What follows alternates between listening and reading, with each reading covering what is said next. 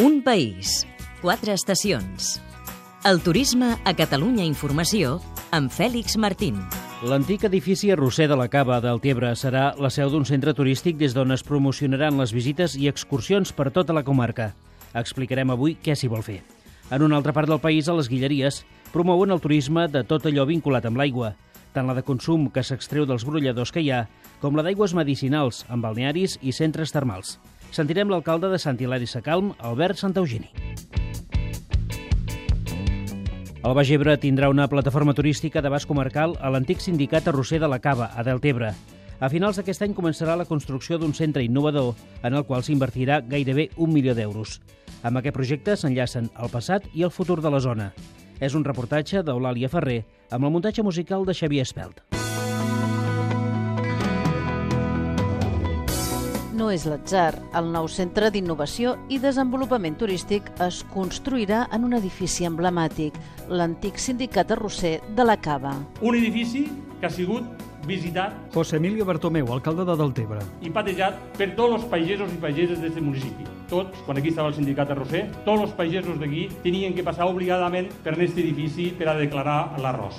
Un edifici, com torno a dir, emblemàtic per a aquest sector, per a aquest poble de la Cava. L'estructura agrària del Delta va canviar amb la mecanització i els sindicats arrossaires van passar la història. hasta el 1985, Joan Bertomeu, diputat al Congrés. que va desaparèixer tots els sindicats arrossers de tota Espanya i, d'alguna forma, doncs, com tots sabem, nosaltres tenim arrossaires i altres qüestions doncs, han fet comunitats de- d'arrosseres i l'explotació se porta per altres vies i altres sistemes. Tant els sindicats no tenien sentit i van passar a la història.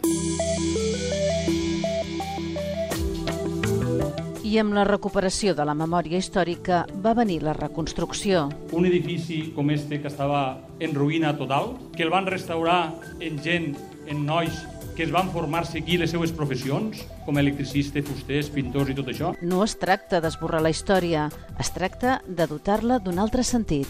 Sapient que aquest edifici anteriorment ha portat un desenvolupament al nostre poble i ha sigut un punt idòneo del qual tots ens han beneficiat, espero que en un futur este nou eh, objectiu que tindrà aquest edifici també sigui, però no només per al d'Ebre, sinó per a tota la comarca del Baix Ebre i per a totes les Terres de l'Ebre. Hi haurà un punt d'atenció personalitzada pel turista, una sala de cooperació i networking, un hotel d'entitats turístiques i un escenari reversible, orientat a un altre espai emblemàtic, la plaça dels Sequers. Volem un espai de musicalització totalment diferent, un espai de musicalització que emprant noves tecnologies Lluís Soler, president del Consell Comarcal del Baix Ebre. i emprant, en este cas, tot lo bo i millor que ens caracteritza com a comarca del Baix Ebre, qualsevol visitant que vingui, que visite aquest espai de musicalització, li entri en ganes de visitar la desembocadura, de visitar la Via Verda, de visitar el GR, de visitar totes aquelles coses, com dic, que ens caracteritzen com a comarca del Baix Ebre. L'emblanquinaran.